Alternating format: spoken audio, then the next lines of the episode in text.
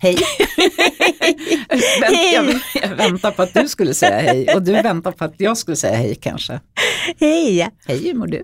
Ja men nu mår jag bra känns som. Du hade ju med dig god smoothie så då piggnar jag till lite Ja. här. Härligt. Mm. Det låter Skål. bra. Skål för det. jordgubb, jordgubb och ginger. Ja. Ja, jättegott.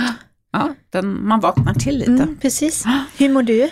Eh, jag mår bra. Jag känner av pollen faktiskt. Det verkar vara jättemånga som Mm. gör det i år.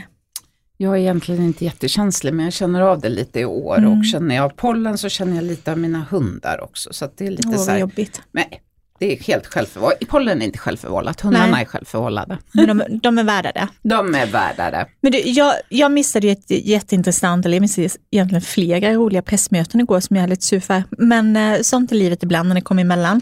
Men du var på ett av pressmötena Mm. och tyckte att det var en, det var med Skimplan va, eller vilka var Det de? var här? med Skimplan som eh, lanserade en ny eh, solkräm, SPF 30 för ansikte och händer. Och det som var lite unikt med den, jag har inte hunnit testa den på Nej. något sätt, men det var som en UV-sensor under locket som ska känna av UV-strålningen. Eh, Just det. Mm. som är just den dagen och så ska man då titta på ett litet schema vilken hudtyp man är.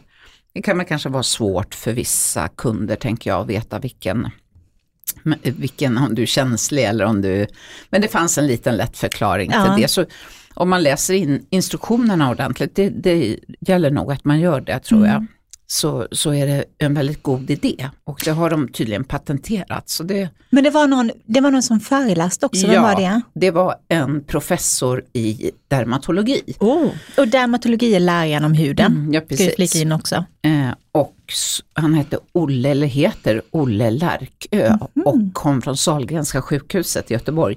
Otroligt kunnig man. Gav faktiskt mycket information som, som jag aldrig har hört. Som Och var lite berätta, intressant. du- ja, men till exempel att, ja, men till exempel att eh, människor som har fått någon, trans, någon tra, typ av transplantation, det kan ju vara njurar, det kan ju vara hjärta, det kan ju egentligen vara vad som helst. De, de, de äter ju en speciell medicin för att inte stöta bort det här organet. Eh, och de löper 110 gånger högre risk att få eh, hudcancer. Oj! Det är väldigt mycket. Så för de patienterna har man speciella solskolor inom landstinget. Så de får ju Okej. lära sig eh, att, eh, ja, in, antar att vara ute minimalt lite. Undrar varför det är så? Ja, det är väl en biverkning på Ja. medicinen. Ja, jo. Mm. men usch vad hemskt. att, ja, nej. Och så rent allmänt då att, att det kan man ju läsa sig till på Strålskyddsmyndighetens sida, en favoritsida för mig faktiskt. Mm. Eh, att i Sverige har ju generellt eh, hudcancern ökat med 60 procent senaste tio åren. Och malignt melanom med 39 procent. Så det är läge att smörja in sig. Ja, och det gäller Faktiskt. att applicera och smörja in ett rejält lager. 100 procent. Och sen berättar han också, den här eh, professorn, att vissa människor är mer benägna att vilja vara ute i solen. För att vad som händer när man är i solen det är att man får en kick av endorfiner. Och endorfiner är ju kroppseget morfin som kroppen själv utsöndrar så att säga. Eh, och det är ofta en viss typ av människor och han påstod då den här professorn, vilket han säkert har belägg för, att människor som, som solar mycket röker oftast mycket också. Så att det är liksom lite samma typ av kick du får Okej. någon så. Det var lite intressant, hade jag Nu aldrig ser hört. jag ju de här ja, men, damerna på 80-talet med Ja. cigg i mungipan Ja. och så här, Men så förlåt mycket- Donatella Versace-hud. Ja men precis, sen var det lite positiva saker också. Mm. Och det är att Sahlgrenska och Chalmers har tagit fram en AI som ska mäta risken för hudcancer på olika personer. Oh. Mm. Så det, de tror att, eh, ja, att det kommer bli ett bra hjälpmedel i framtiden. För tydligen är det så att hälften av alla hudläkare som finns i Sverige finns i Stockholm. Och Sverige är ju ett avlångt land så att Wow, det hade jag ingen Mm. aning om. Så att man kan ta hjälp då av de här AI-apparaterna i framtiden och då tror man att det ska vara lika bra som en, alltså säkerheten i utvärderingen av AI apparaturen kommer att vara lika, lika bra som en överläkare i dermatologi. Oj! Så att det kändes ju positivt. Men sen var det som vanligt att han pratade om att det är kläder som är solskydd, precis ja. som, som Strålskyddsmyndigheten säger. Som vi brukar tjata om. Ja. En skjorta med 100% bomull ger ungefär SPF 50 om den är mörk. Mm. En t-shirt ger SPF 10 en blus i viskos ger 15. Så liksom egentligen en bomulls, en, en, en, ganska tät mörk bomullsskjorta som är luftig och ju luftigare plaggen är desto bättre effekt har det. Klarar du av själv att ha den när det är varmt ute? Jag så himla jag, jag sitter i skuggan och skuggan ger ju 50% ja. skydd och sen har jag alltid SPF 50. Mm. Så att, men jag kan tycka att det är skönt att ha en linneskjorta på sig, men linne är ju å andra sidan ganska så liksom, det är ganska glest. Så jag det blir så himla skrynkligt. Det är bara jag, jag är så lat med att stryka. Ja, ja men Förlåt. lite skrynkligt ska det ju vara. eh, ja, nej men så det var lite nya, nya saker och lite blandade. Ja, absolut. Mest spännande var ju det här med AI-apparaten. Det är ju skithäftigt. Ja. Just att man kan Tänk om man då kan få reda på, okej okay, du har rejält ökad risk och då mm. behöver du göra det här och det här. Ja, alltså undvika solen mitt på dagen och, och återapplicera kräm och Det kändes inte kläder. som att det alls var långt borta. Eh, och framförallt veta vilken risk du har. Mm, precis. Det är väl det som är, är det viktigaste helt enkelt. Ja, nej men jag tyckte det var mycket, mycket givande. Det låter som att jag missar någonting, men bra att du eh, Och sen en annan sak som jag kom på nu, han kom ju själv från västkusten och då berättade han att det är dubbelt så hög risk för eh, personer som bor på västkusten och även i Skåne att få hudcancer. Och det beror inte på att de har andra solvanor än vad vi har, att de är ute och solar mm. mer, utan man tror att det är lite generna helt enkelt. Okej. Kanske lite ljus, mer ljushylta liksom. Ja. Många, inte alla naturligtvis, men det är i alla fall dubbelt så många. Det är närmare England. Ja. Det, det var det han sa. Det var inte det jag sa.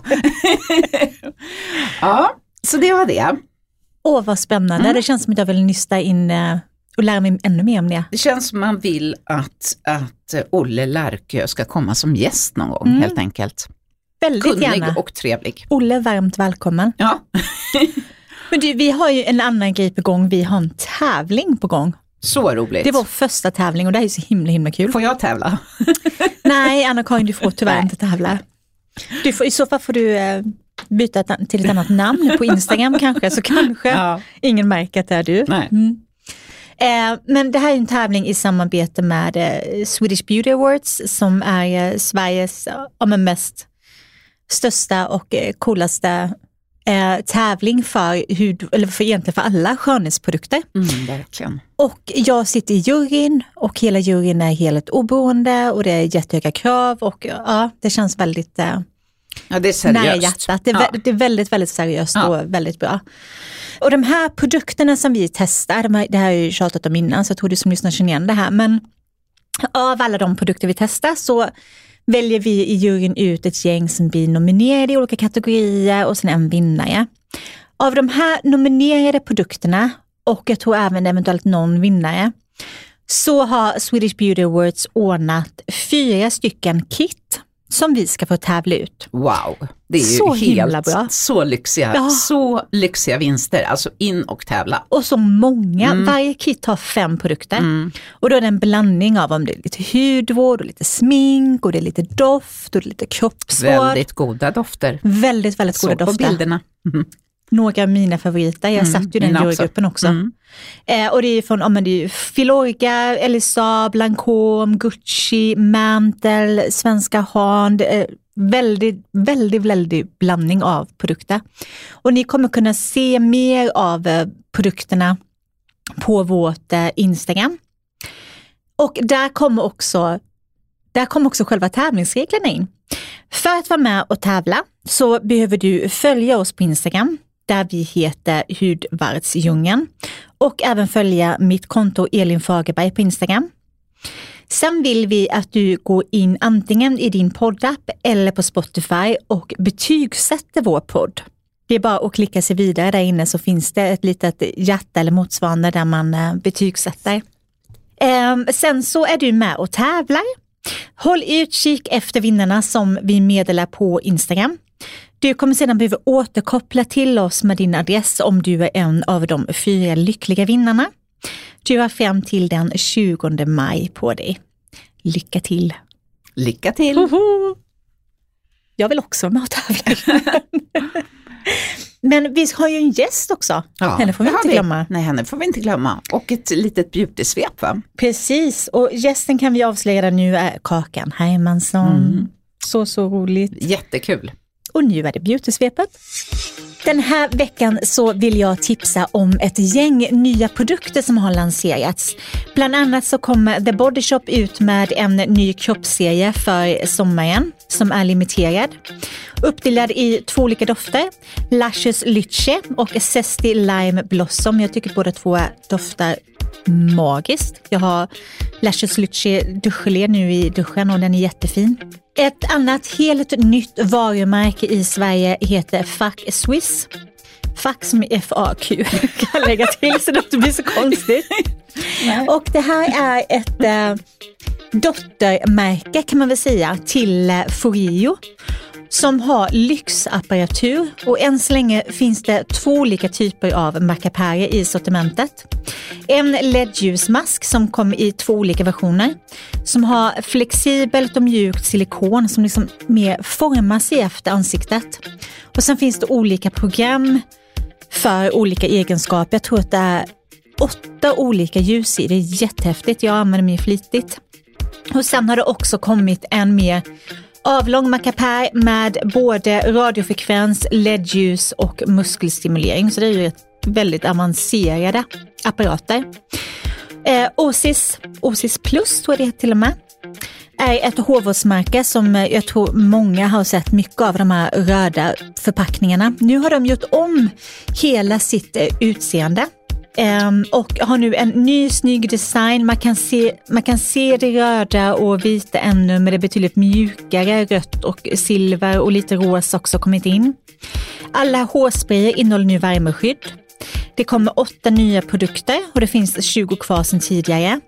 Under pressmötet jag var och tittade så var det en tjej som heter Chris på salongen Nuovo som eh, pratade och eh, hon kom med jättemycket bra tips. Bland annat så berättade hon att backslickade tofsar eller backslickade korta frisyrer kommer väldigt, väldigt stort. Där de verkligen ser blöta ut. Och det kan du kamma med eh, gelé för att få till och öva med. Du kan öva med vatten och sen använda gelé när du väl är nöjd. Och sen så sa hon att lockigt hår behöver betydligt mer av produkterna. För lockigt hår tenderar att vara lite torrare och suga åt sig mer. Ett annat tips hon kom med var att spraya puderspray på fingrarna och applicera det i håret istället för att spraya det direkt i håret om du vill att dina längder ska vara fortsatt glansiga och inte vara matta. Bra tips tycker jag.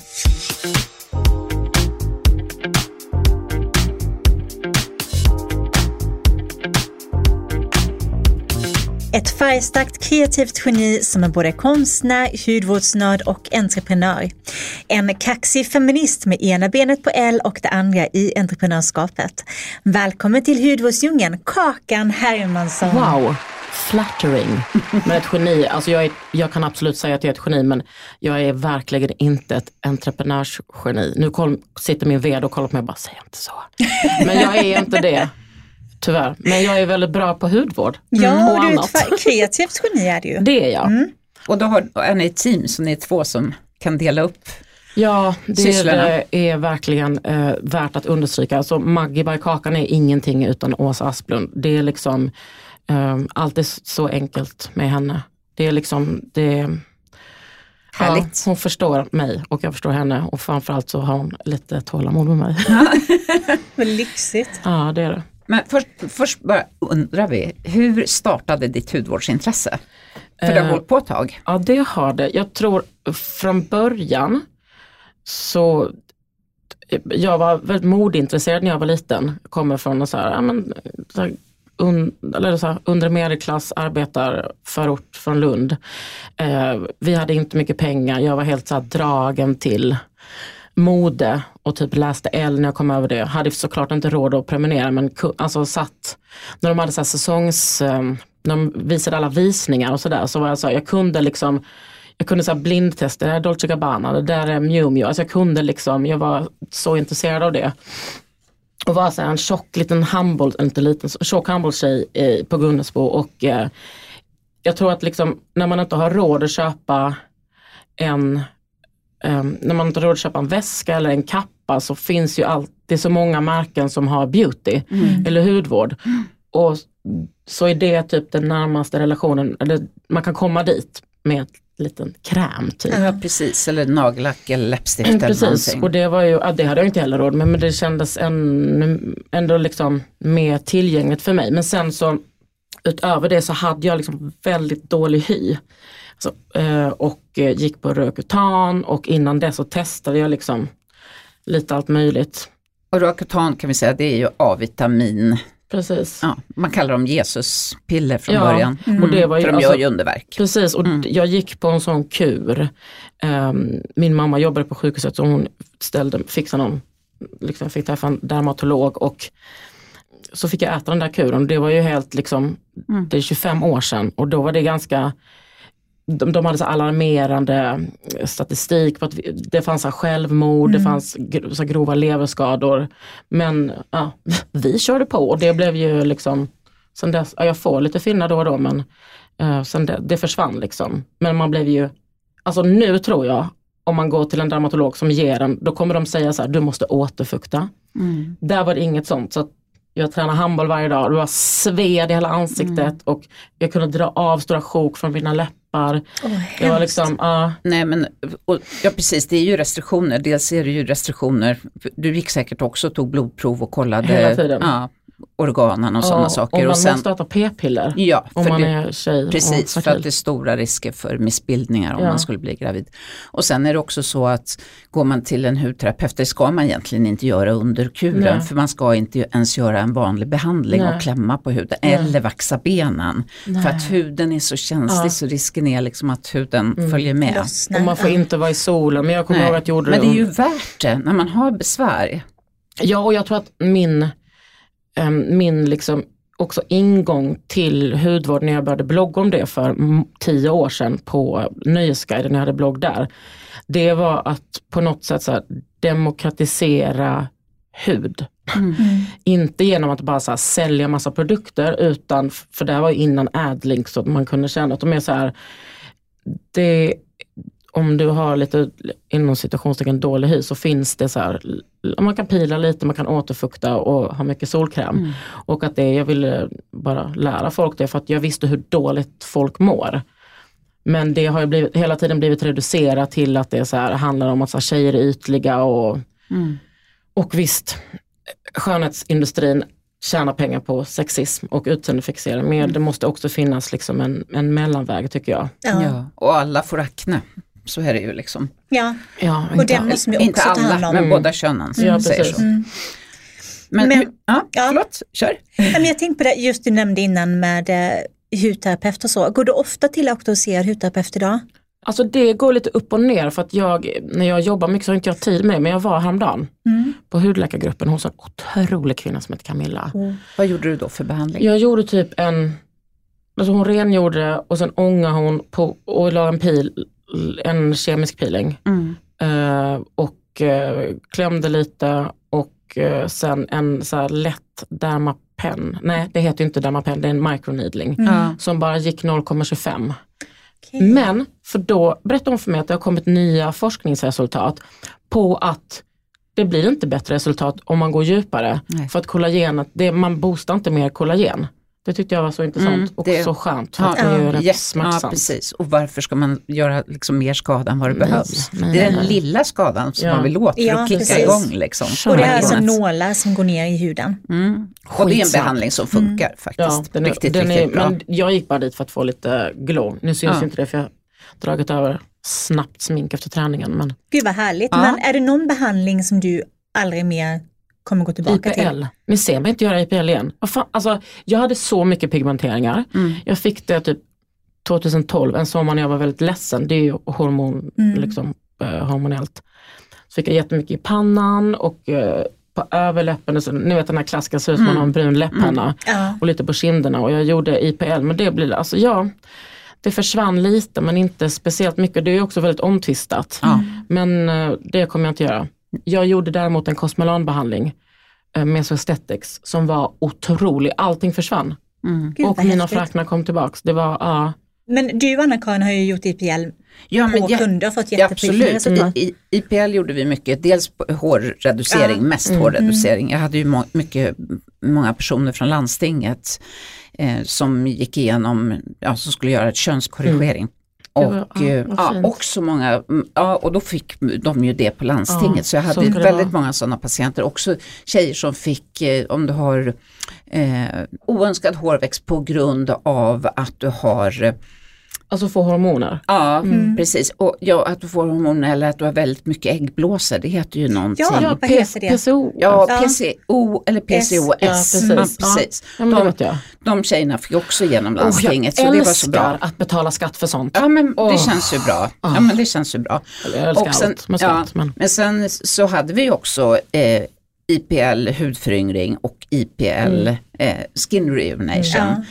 Eh, men eh, melasma, ja. li, Nej. alltså nej. Nej men jag testar ju gärna allt. Liksom, men, Precis, det kan bli bra. Det kan bli bra, men det kan också aktivera om det ligger, ligger pigmentering djupare ner. Åh, det är så otroligt Så det blir det Jag älskar det. Det är så liksom vanskligt det där. Det Ja. är liksom Ja, för- 50-50. Ja för mig var det mer så att jag höll på med det och traggla och typ ingenting hände. Alltså jag kunde se typ dagen efter att man kunde ta bort lite när det kom Mm. Ja, ut. för, precis, absolut. Ja, Tur att det inte blir värre i alla fall. Mm. ja, men absolut. Det finns ju bättre behandlingar. Och den behandlingen som hjälpte dig, hur gick den till? Jo men då kom jag dit och jag tror att man kan göra som en lång behandling när man eh, följer en hudvårdsrutin med deras produkter. Jag är väldigt förtjust i mesoestetik. Mm. Men med dem, alltså det var så otroligt, hon bara svepte. Hon bara svepte med alkohol över mitt ansikte. Hon bara, sen lägger du bara på den här masken och har den i åtta timmar. Jag bara, nej men alltså jag ska hämta min son. Kan, det är sån brun typ lermask. Jag bara, jag kan, det kan inte jag hämta honom i. Så jag hämtade honom, gick hem, gjorde den här proceduren, la på den. Och så åt vi indiskt. Ja. Jag gick och la mig och typ vilade med min mask. Och min, då, eh, min babymamma bara, fan jag mår lite illa. Jag bara, oh. Nej då hade vi blivit matförgiftade. Så jag låg liksom nere i toan och kräktes med den här masken och det bara trillade av mig. Ja, men jag hade på den i alla fall sex timmar. Mm. Och eh, den var, det gjorde typ lite ont när man fyllde på den. Men alltså det sved. Men, och jag är ändå ganska så, Men skulle man fylla på också? Liksom, och lägga på mer då? Eller var Jag det gjorde bara... det. Ja. Fan vet jag, jag bara gjorde det liksom. Men den, alltså det var helt otroligt, en sån kort eh, procedur. Och min melasma försvann. Wow. Helt fantastiskt. Ja, och jag är inte så eh, att jag, hela det här sydkoreanska att man ska vara helt så Nej. clean och jämn. Det är inte alls min grej. Jag älskar fräknar, jag älskar det syns, lite rynkor, lite, Mm. det syns att man har levt. Mm. Men det där var verkligen så, för jag såg att, alltså det var så, Men det är jag hade en karta i ansiktet. Ja, och det är många, precis som du säger, på de här Mm. ställena, pannan, överläpp, Mm. Det runda. Det, det blir mig lite jobbigt. så smutsig ut. Ja, Mm. det är, jag tror att det är allmänt så att man kan känna. Men hur ser din hudvårdsrutin ut idag? Ska jag vara ärlig? Ja. men jag är så slarvig alltså. Och sen så kom jag på mig själv och så började jag med rutinen och så bara, oh my god vilken skillnad. Bara, du är 42 år, har du inte fattat det än? Men jag, alltså jag tränar nästan alltid en gång om dagen. Så på morgon, jag, har, jag har inte på att tvätta på morgonen, jag tycker att det är så tråkigt. Då sätter jag kanske bara på en lättkräm. kräm eh, eller typ ett serum och sen ett solskydd. Eh, tränar och efter det så blaffar jag på någonting, kanske lite smink. Sen på kvällen gör jag liksom min riktiga rutin. Eh, och då har jag ju mycket Maggi-produkter, men jag har ju också, eller många Maggi-produkter heter det, men jag testar ju också nytt. Mm. Men nu har jag hållit på med det här så länge och ni känner säkert igen er att man kanske inte är retinolprodukter och sånt där, men jag märker direkt om det är grejer för mig. Jag märker om det är bra eller liksom Mm. men jag försöker liksom att, vara, att balansera det här aktiva. Jag är en är ett stort fan av syror. Eh, och eh, ja, man försöker balansera. Det är som att, ni vet man har som ett litet labb i ansiktet. Och sen så har jag och eh, Åsa, min vd då, vi har testat väldigt många produkter från labbet hela tiden och jag har, eller båda vi har varit så jävla picky. Jag skickar tillbaka den här nattmasken tio gånger. Jag bara, den ska vara fetare. Mm. Folk är så rädda för fett. Liksom. Ja. Och sen skickar jag tillbaka balmet, rengöringsbalmet. Jag bara, det måste jag ville att allt skulle vara veganskt men jag fick inte till den konsistensen som jag hade i huvudet. Mm. Så då satte vi dit bivax och det blev liksom skitbra. Mm. Eller vill, vill ni liksom höra min rutin? Ja. Okay. jag säger kväll då. Mm. Ja. Cleansing balm. Mm. Då tar jag på, det, alltså bara från burken torr hy. Vi har en spatel, den vet jag inte vad den är. Det där hörde inte jag. Nej. Nej, men det... Jag tänker, rena fingrar. Ja, vi får se. Ja, jag smörjer in, jag liksom masserar in och um, jag tar aldrig bort ögonsminket. Jag tycker liksom att det är lite fint när det är så lite smutsigt. Så masserar jag in ansiktet, halsen och så får det sitta ett tag och sen tar jag en blöt eh, frottéhandduk och tar bort det. Ett tag, ett par minuter? Ja, det beror på hur stressad jag är. Ja. Men mm. den kan, ibland har jag den som en sån Askungen-mask också. Ah.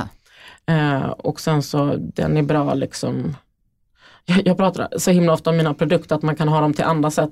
Jag har liksom ofta typ så när jag har vax, eller sockrat mig, ja. att jag kanske tar lite BHA eller lite nattmask för att det liksom är bra. Och sen har jag alltid serum på rumpan för jag, vill, jag gillar min rumpa så mycket, jag vill verkligen vårda den. Mm. Um, det efter, efter det så, man kan ju ha eh, balmet som, en, som första steg en dubbelrengöring men jag pallar inte det.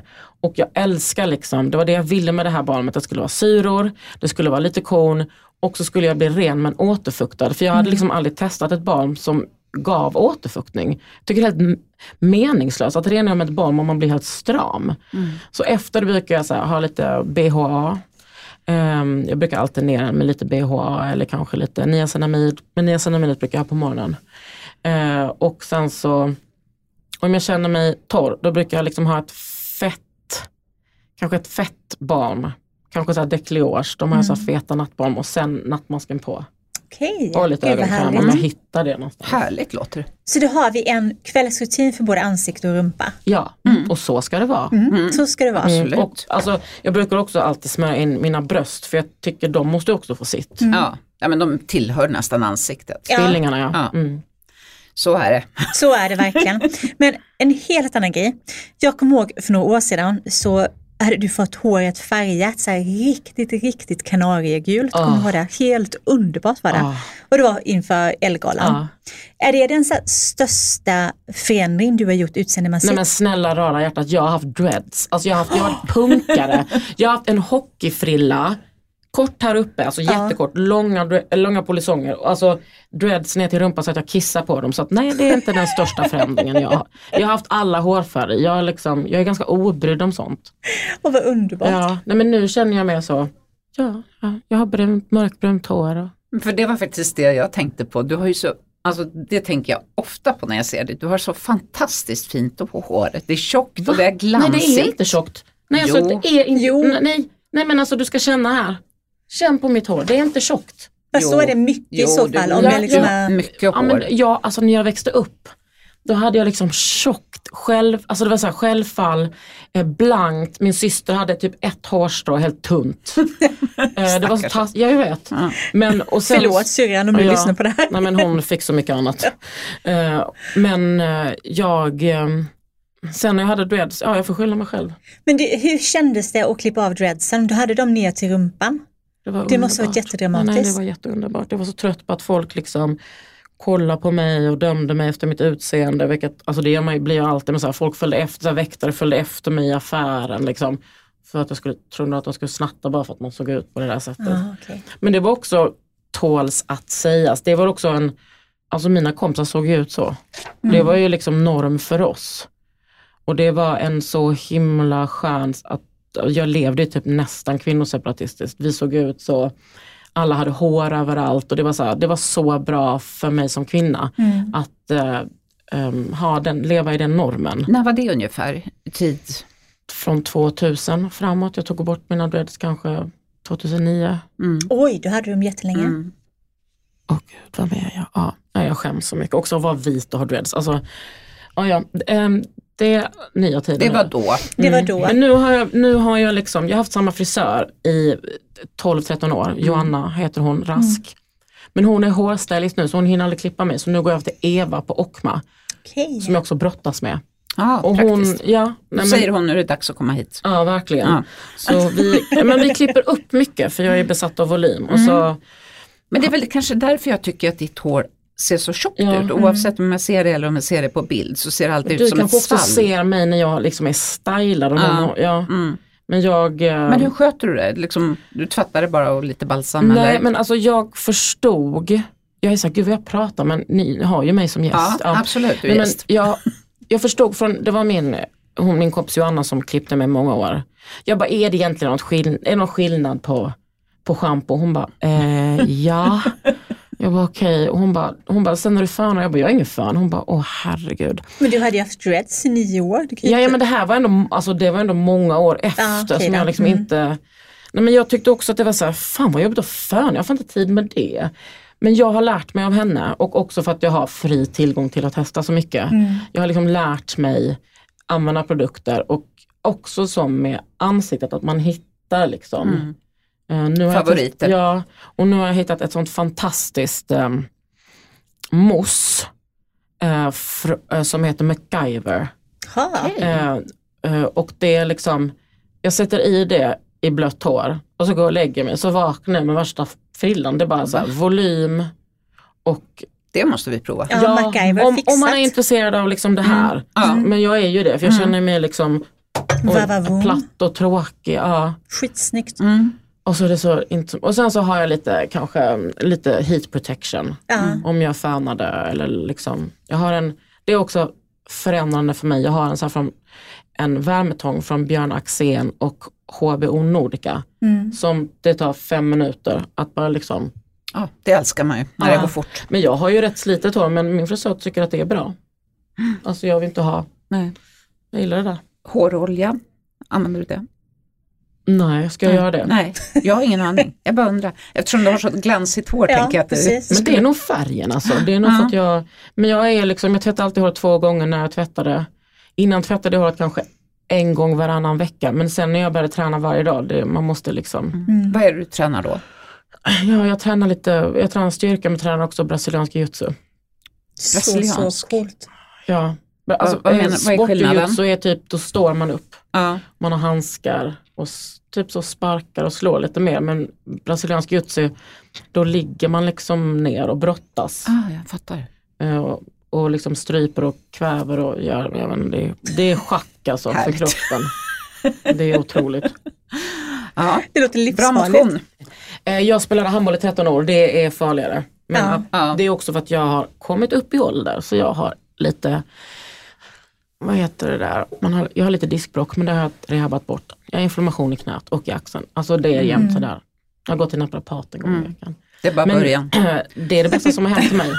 Brasilianska ja, Jag försöker bara tala om hur Nej, det kommer att bli. Ja, ja jag vet. Men eh, man är heller inte så rädd för smärta. Liksom. Nej, så länge det inte är något farligt ja. så är det väl helt okej.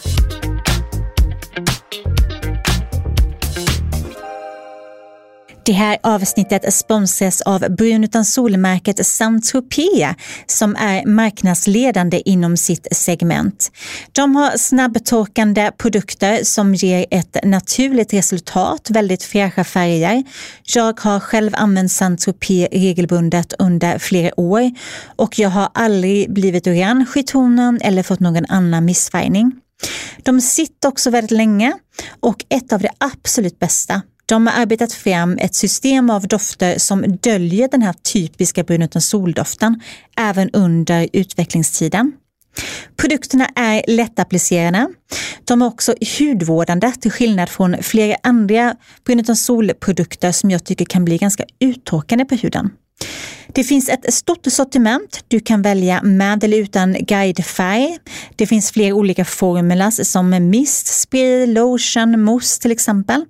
Sedan kan du välja från lätt solkysst look till extra dark beroende på hur mycket färg du har från början och hur mycket färg du vill ha. Jag kan ofta blanda lite, att jag har lite mörkare färg på benen än vad jag har på resten av kroppen. Tips för att få färgen att sitta snyggt, att exfoliera huden 24 timmar innan, återfukta och sedan är det dags att applicera. Bäst är om du använder en appliceringsvanta.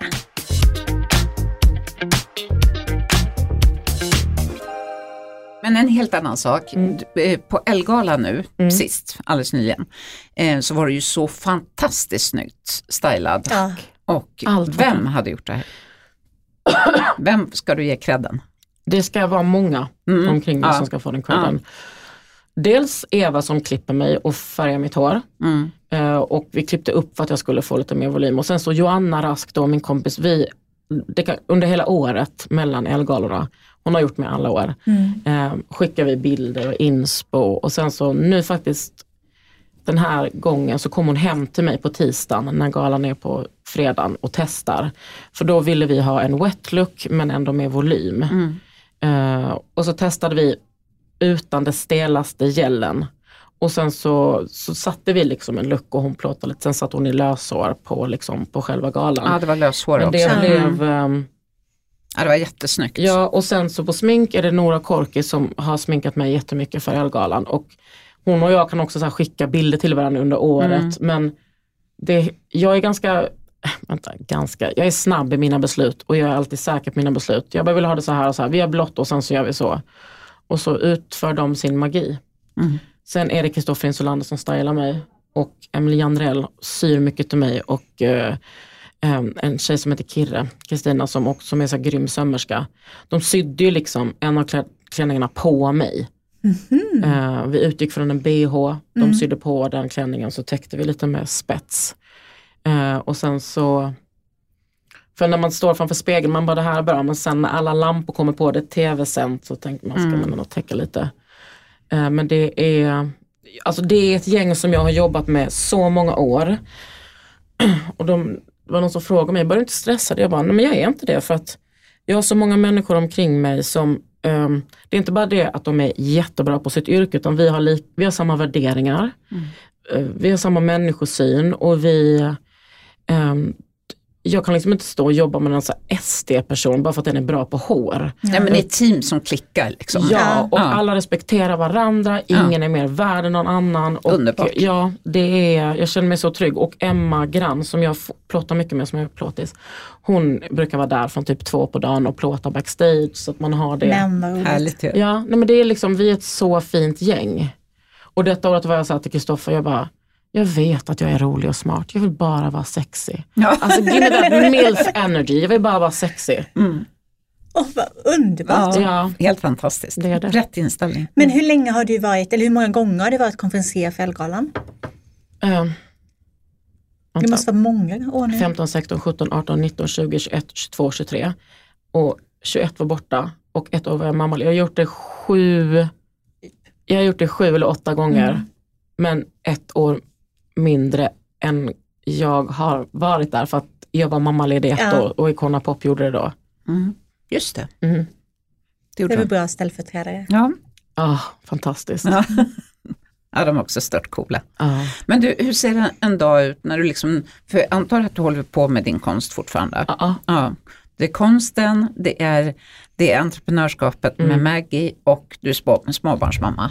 Ja, är det något mer? Ja, men, ja alltså gå på möten. Mm. Och, och min podd. du varje dag? Ja, och, ja. ja, podden, just det. Ja, men det var faktiskt min, min tränare eh, Louise som sa till mig, hon bara, om man vill träna så på det sättet så får man bara bestämma sig att man, man, man tar inga lunchmöten utan man, för jag tränar nästan alltid lunch förutom idag. Mm. Körde lite rehab innan jag kom hit. Att, och det har, liksom, det har förändrat mitt liv. Det, alltså, jag vet att det låter som en sekt men mitt, eh, mitt min klubb är liksom mitt andra hem, eller första. Mm. Och jag älskar att vara där. Ja då har man ju hittat ja, rätt. Det har man verkligen gjort. Ja. Nej, jag vet vad, jag skriver också för L och ibland gör jag mm. intervjuer till dem. Och, jo, jag undervisar också på Konstfack. Men hur hinner du detta? Nej, men vet du vad? Alltså jag tycker att jag, jag tycker liksom att jag, det var liksom, eh, folk tror att jag jobbar så jävla mycket. Det är bara för att man ser mig, man ser inte när ni jobbar. Alltså, mm. Jag jobbar inte med, nu tror inte jag att jag jobbar mer än någon annan. Jag tycker att jag är liksom rätt slapp. Jag hinner träna, jag hinner gå och basta en gång i veckan. Nej men jag, det har varit jättenyttigt för mig. Jag var helt, eh, helt liksom bränd mm. i höstas. Min professor i brasiliansk YouTube gick bort. Det var, liksom ett, det var så fucking jobbigt, eller det är jobbigt fortfarande. Och liksom vänta på hans bortgång. Mm. Usch, och då var det som att jag men tillsammans med min, en, min person på Aller, det är de som äger L. Det är de som sköter mina samarbeten. Hon bara, vet du vad, nu får inte du jobba mer. Så i december gjorde jag typ ingenting. De tränade och försökte vila och liksom mm. hämta min son tidigt på förskolan. Och, mm. Alltså jag, jag, det är verkligen inte så att jag jobbar med någon annan just nu. Och det vet, för jag har jobbat 200 Innan? Ja, mm. alltså innan Många jag, år väl? Många år, jobbade sju dagar i veckan, mm. alltid. För jag kommer ihåg ibland när, när jag hade min salong och du kom och provade någon ny behandling. Mm. Att, att du sa det att gud jag har bara sprungit emellan. Liksom. Ja och nu när jag liksom, nu när jag har mitt schema i mobilen. Mm. Jag bara, åh gud, ska jag ha tre saker då? Alltså innan hade jag så här, två möten förmiddag, lunch, två möten. Alltså jag var, jag var på väg alltid och jag har den kapaciteten för att jag är som jag är. Mm. Och säkert av min ADHD, att jag älskar utveckling och vill utvecklas. Och jag har mycket energi och jag, liksom jag gillar människor mm. och vissa verkar gilla mig. Mm. Nej, men, jag, men det går ju inte till slut. Jag var ju utbränd redan Nej. på Konstfack liksom, mm. två, tre gånger. Men då jobbade jag också, gick på Konstfack 100%, jobbade på SVT, jobbade på liksom P3, drev klubbar. Ja. ja. Men jag har lärt mig. Men kan vi prata lite om din konst? Ja. Dina kru det, ja. det är krukor? Nej det är allt Det är möjligt. keramik? Ja men precis, mm. och, men jag gör ju krukor, liksom, det är lite en sån egogrej. Jag tycker att det är mm. mysigt att mm. hålla på. Men, men ställer du ut ibland? Eller? Ja, jag hade min senaste utställning var i höstas på Rish. Och nu så ska jag, jag hålla på det är två utställningar som vi, som liksom vi väntar lite på. Hon är, under, hon är underbar. nu kikar Kakan ut genom fönstret, ser bekant eh, utanför. jag gjorde deras uh, gala för något Jaha. år sedan. Men uh, jag, jag håller på med två utställningar. En som handlar om typ trauma och hur så här, Sveriges typ syn på trauma. Vi är mm. inte så bra på det. Och så håller jag på med, lite, med två andra typ konsthantverkare. Vi, för, vi håller på med en utställning i Göteborg. Mm. Men det är kul, men man, man eh, kan ju inte ställa ut hela tiden för då blir man ju helt Ja men det är det jag tänker att typ. du hela tiden ska ha den här deadlinen ja. och så ska man kunna liksom, för, för man antar att det liksom ska födas fram på något sätt. Det, här. Ja, men det där tycker jag är lite så, jag brukar alltid tänka på så, jag säger det till mina studenter också, man kan inte ha bilden av att konsten är så här oh, jag känner det här och jag ska gå till min ateljé och känna. Man, alltså, min mamma har jobbat som undersköterska på natten i 45 mm. år. Tror ni hon kände så när hon Nej. cyklade dit så Nej. åtta på kvällen? Men måste man inte det när man gör konst? Nej. Nej. Man får, det, är som vilket, alltså, det är som vilket jobb, nu ska det är inte som vilket jobb som helst för att man kan fylla det med typ vad som helst. Mm.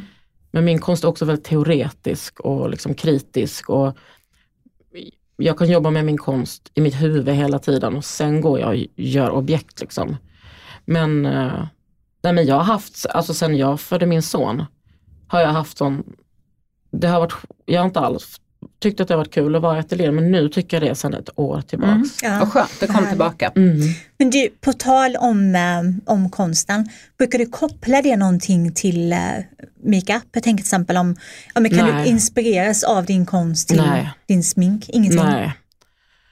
Nej absolut inte, mer äh. typ så musik och kanske Alltså jag kommer ju från så rap, R&B och mycket mer därifrån liksom. Mm. Att kunna, jag vet inte, det finns någon sån sexappeal i det som jag alltid har uh, dragits till. Mm. Att kunna så här, vara så superfeminin och vara helt badass fortfarande. Och nu när man säger det så är det inte det konstigt men när jag var liten så var det liksom helt så här motsägelsefullt mm. och mm. att det straffade sig liksom, ja. hur man än gjorde.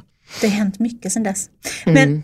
vi måste ju prata lite om feminism också. Du är mm. ja, de... det gör vi hela tiden. Ja, jag tänker du är en av de mest ledande rösterna inom feminism i Sverige. Är jag, jag det fortfarande? Jo, det är du faktiskt Kakan. Tycker du det Åsa? Ja, jag tycker det i alla fall. Vad ska hon säga? Hon vågar inte säga det. Åsa är ingen mix, hon, ja, hon nickar. Hon nickar. Ja, ja. Men jag, jag tänkte så här, när jag blev en offentlig person, ja, jag började typ 2008 och sen så blev jag, liksom, det blev mer och mer successivt. Då fanns det inte så många kvinnor som pratar om sånt som jag. Alltså Alexandra Pascalido har ju dragit sånt fucking lass. Mm. mm. Det finns, men nu är det liksom som att det sitter kvinnor på så många positioner som har den här kunskapen. Det är inte bara en åsikt att vara feminist, yeah. som har maktanalyser. Alltså kolla bara på Ami Bramesi som hon ledde Elgalan med mig, hon ledde Grammis igår. Hon har haft podden Raseriet som behandlar rasism i Sverige mm. och liksom feministiska frågor. Hon är fantastisk. Hon är så jäkla cool. Mm. Men jag kommer ihåg, första gången jag träffade dig, då var vi på mm. en resa med Daisy Beauty oh. till Finland för mm. jättemånga år sedan. Och sen på det där spat. Ja, jag gjorde en, en rubinskrubb. Oh la la. Kommer inte ihåg om jag gjorde någonting. Mm. Men i alla fall, vi sitter där, massa olika skönhetsmänniskor, det var liksom bloggare och skribenter. Jag blir generad nu. Nej, men det är ingen fara. Då, så, då skulle alla presentera sig. Jag kommer ihåg att jag sa, jag heter Elin Fagerberg och, och så lite blygt och bara, men jag är skönhetsbloggare, skönhetsskribent och hudterapeut i botten och sådär. Ja, och sen rabblade de vidare, sen kommer man till dig och du bara, ah, jag är Kakan Hermansson och jag är feminist. Och så det blir liksom helt tyst. Mm. Men det var en sån stor del av ja, men dig. Mm. Din det, individ. Ja det är det. Alltså, det är, är min, det ännu skulle gud, säga? Det är min största core. Mm. Alltså det är mer än man kan inte dela upp det så men att det är större än för mig än att vara mamma. Alltså mm. det hela jag, det är liksom något som genomsyrar mig och jag blev feminist så tidigt. Jag brukar säga tidigare än vad jag kunde hantera för att på 90-talet, jag var 11 år, så 92, mm. alltså det fanns alltså om folk kallar feminister för manshatare nu, vilket några är och jag förstår det, där fanns inte ens det begreppet. Liksom. Nej. Och min mamma hade varit med i så här, grupp 8 men liksom lite, kanske inte så helt, eh, de kämpade också för så här, andra saker. Det var andra tider. Ja, precis, liksom. dagis ja. och jag, har, jag blev tidigt intresserad av så här, frågor om prostitution och kvinnomisshandel och och sen när man fattade att man var tvungen, och jag, min klass var liksom alltid min, det var min första, liksom mitt första stora intresse, vi pratade alltid klass hemma. Men sen så är det ju ett ständigt lärande och det passar ju mig det här med att vilja utvecklas hela tiden.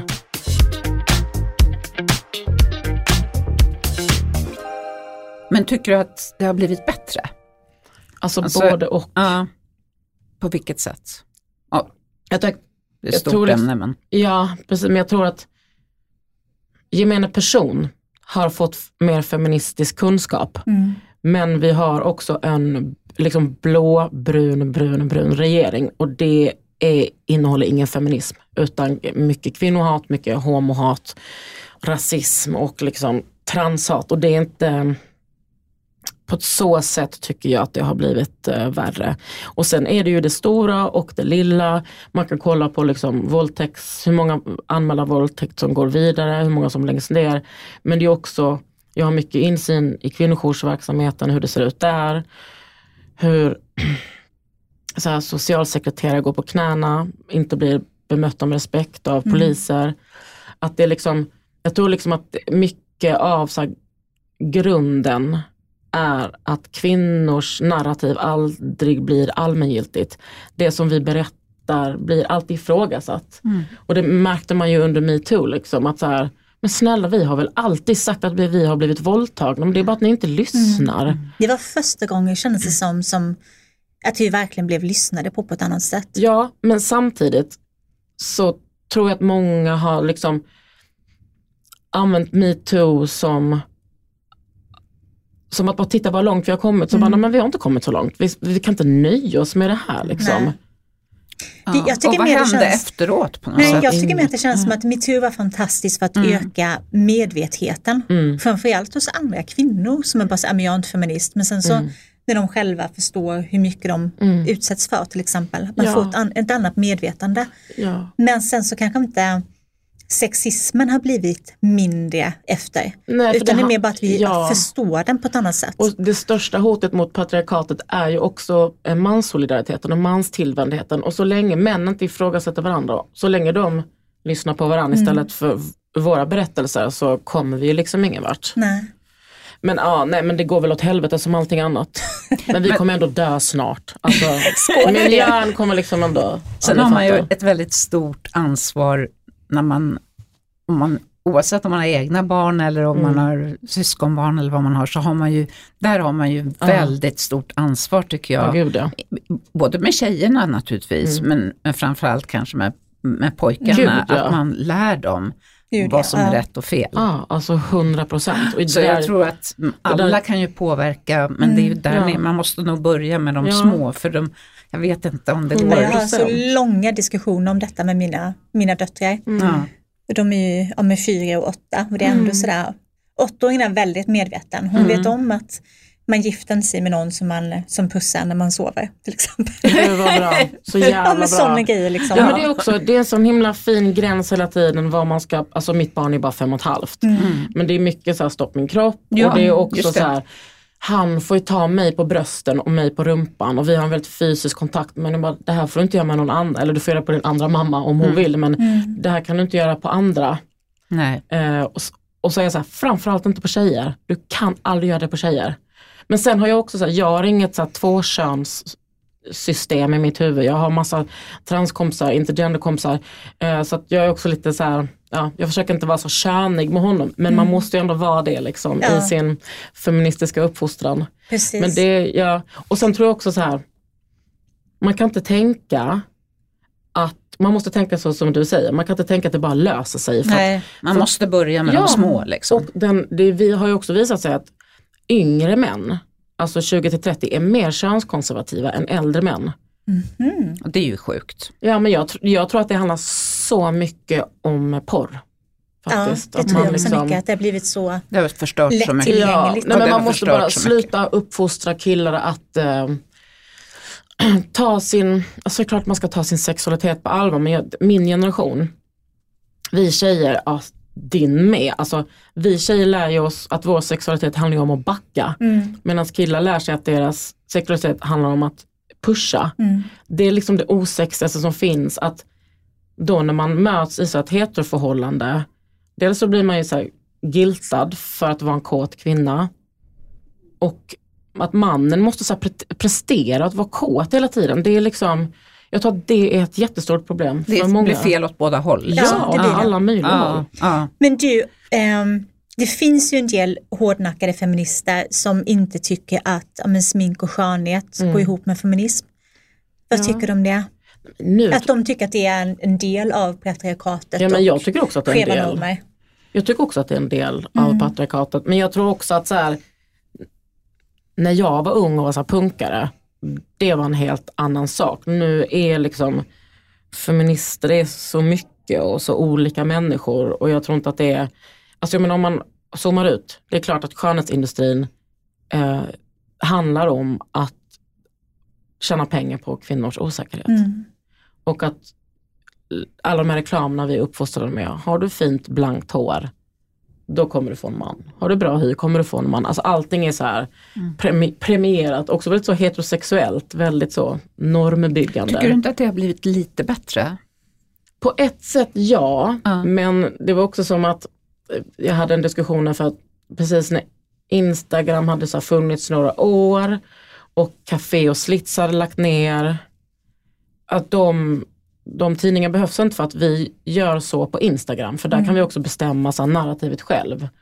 Om man vill vika ut så hur mycket man vill visa, ah, man får inte visa nipples men um, eller är det, nu kanske man får det. Jag vet inte. Men jag, alltså, jag tycker att vår värld är mer sexualiserad på gott och ont. Um, jag vill att kvinnor ska vara fria i sin sexualitet men jag vet också att de flesta kvinnorna är sexuellt traumatiserade, alltså mer eller mindre. Och då är det kanske svårt att hitta ett neutrum och mm. lära känna sig själv. Mm. Jag känner att jag har gjort världens bästa sexuella resa. Jag var liksom lesbisk typ tills jag var så här 40. Låg med några killar däremellan när jag var singel. Eh, sen så separerade jag och då var jag så här, ah, fan killar kanske man ska träffa också. Och var helt så här, gjorde det och bara var helt självsäker, inga trauman. Inget så tjatsex när jag var ung, inget så Flora O skulle med någon, alltså, så fyll, alltså jag var mm. liksom, jag vill rekommendera det. Men då måste man börja väldigt ungt med att inte ligga med killar. Ja, och sen när man blir 40, Precis, då slår ja, man till. Då, ja. ja. då har man liksom bara de goda erfarenheterna och Precis. är vuxen. Mm. Ja, då, har man, då vet man vad man vill. Och... Väldigt, väldigt bra tips. Mm. Ja, faktiskt. Eh. Men bara också säga, det är inte för sent. Nej, Nej precis. Alltså jag menar för er att gå lesbian, det är ändå bra.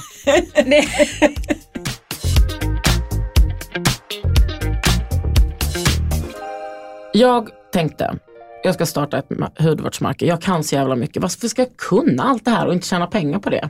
Också läskigt för mig att så här, tänka att jag skulle tjäna pengar för att jag, uh, jag är liksom inte så kapitalistisk tyvärr. Men jag, måste, jag ska börja bli det. Lite. Så tog jag kontakt med Svenska Krämfabriken och vi hade ett uppstartsmöte och jag bara, nej, jag orkar inte. Det är för mycket, det är för dyrt, jag kommer aldrig göra detta. Sen skilde jag mig och då bara, fuck det här, nu ska jag göra det här. Så och när jag... var det? När, när bestämde du dig för att starta märket? Ursäkta, nu rapade jag. Det var samtidigt som hon började ligga med män också. Ja, det hände mycket där. ja, det var fullt upp för mig. um, kanske två, Några år sedan. två och ett halvt år sedan. Mm. September sa jag, jag och Åsa brukar träffas ibland. Nu träffas vi hela tiden men Åsa har ju jobbat, hon har ju varit, jobbat med, hon har varit PR-chef på apoteket bland annat. Och sen har hon jobbat på Mildpress så att vi har liksom setts mycket. Och alltid när vi varit på så pressresor så har vi bara dragit till varandra och bara alltid har varit mysigt och vi har inte pratat hudvård bara. Så var vi ute och åt, jag, Åsa och Vinta som är toxikolog, han har jobbat på apoteket länge.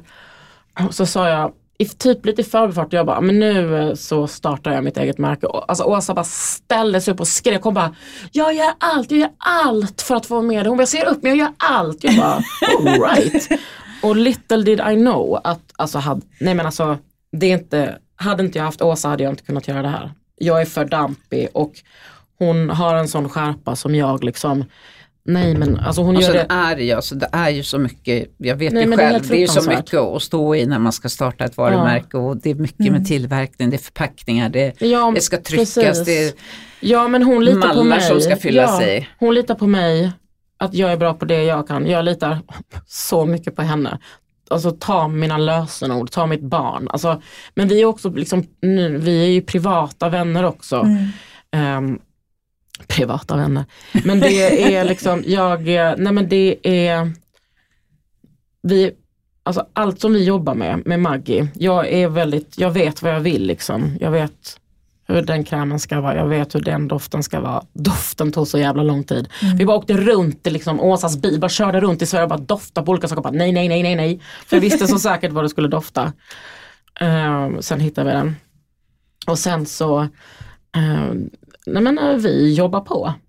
Jag, alltså, som, jag vet inte om ni har sett liksom vår visuella... Jo, den är skitsnygg. Mm, ja. men då har jag tagit in ytterligare med att jobba med människor man litar på. Jag har tagit mm. in en grafisk formgivare som jag vet, hon har så här jättemycket liknande politiska åsikter som jag. Hon jobbar, eh, hon jobbar på sitt sätt och jag gjorde en powerpoint till henne. Så här får det inte se ut, så här får det se ut.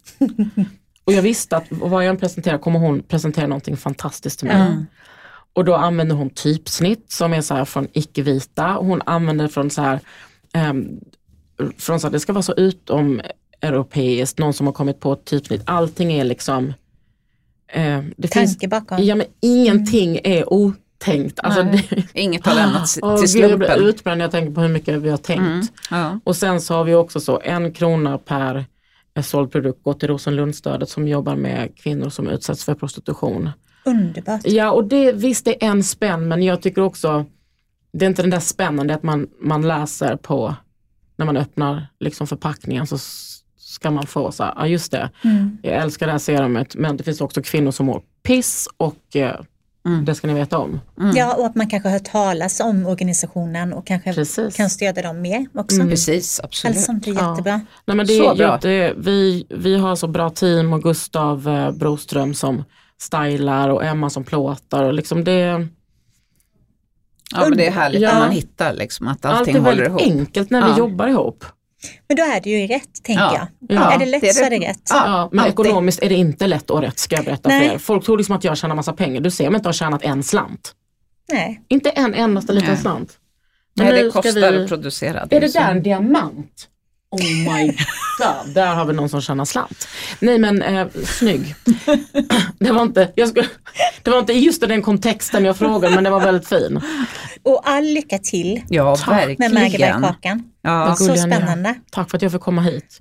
Jag är så taggad på att ni ska få testa de här produkterna. Har inte du testat? Nej, två grejer har jag testat. Ja, vilka var det Niacinamidserumet och BHA-tonen. Ja, mm. Varför har du inte testat andra? Det vet jag inte. Åsa. Åsa. Ja.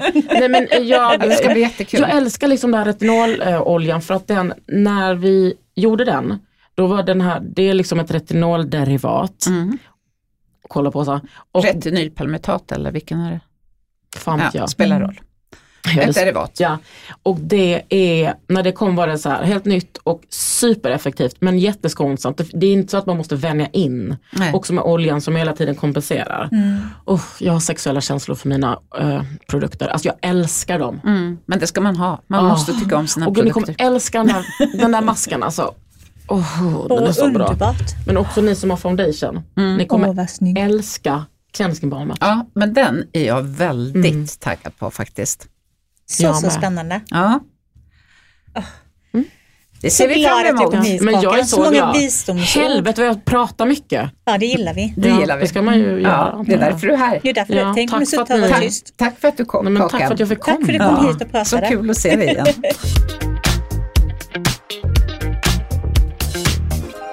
Ja, nu kanske vi också ska börja smörja in rumpan med eh, C-vitaminserum. Ja. Fast alltså när jag har något sånt där serum eller jättefin kräm som jag känner att äh, det kanske inte var riktigt för mitt face ändå. Mm. Då använder jag ju det på kroppen, på armar och dekolletage och lår och allt möjligt. Absolut. Det är Kroppen liksom, ska ha sitt. man, ska ju inte, man ska inte kasta dyra droppar. Nej, det har du alldeles rätt i. Jag tycker det var så fint också när hon pratade om att det är så viktigt att ha ett bra team omkring sig. Och Ja, att det det inte bara är de som är duktiga utan att det faktiskt är de man också tycker om. Ja men 100 procent, det är ju då det blir dynamik Ja. i allt. Precis. Nej, det, var, det var väldigt trevligt att träffa Kakan igen. Ja, det var det verkligen. Mm. Hon har så många klokheter. Tack för att ni lyssnar på podden och om ni vill göra oss en jättestor tjänst så går ni in och betygsätter podden på Spotify eller någon annan app som ni använder er av. Vilket gör att vi hamnar högre upp på listor och då får du fler lyssna på våran podd. Precis, och glöm inte bort tävlingen. Nej, tävlingen. Vi ses på Instagram. Jag ska hem och byta namn och tävla. det är bra. Hej då.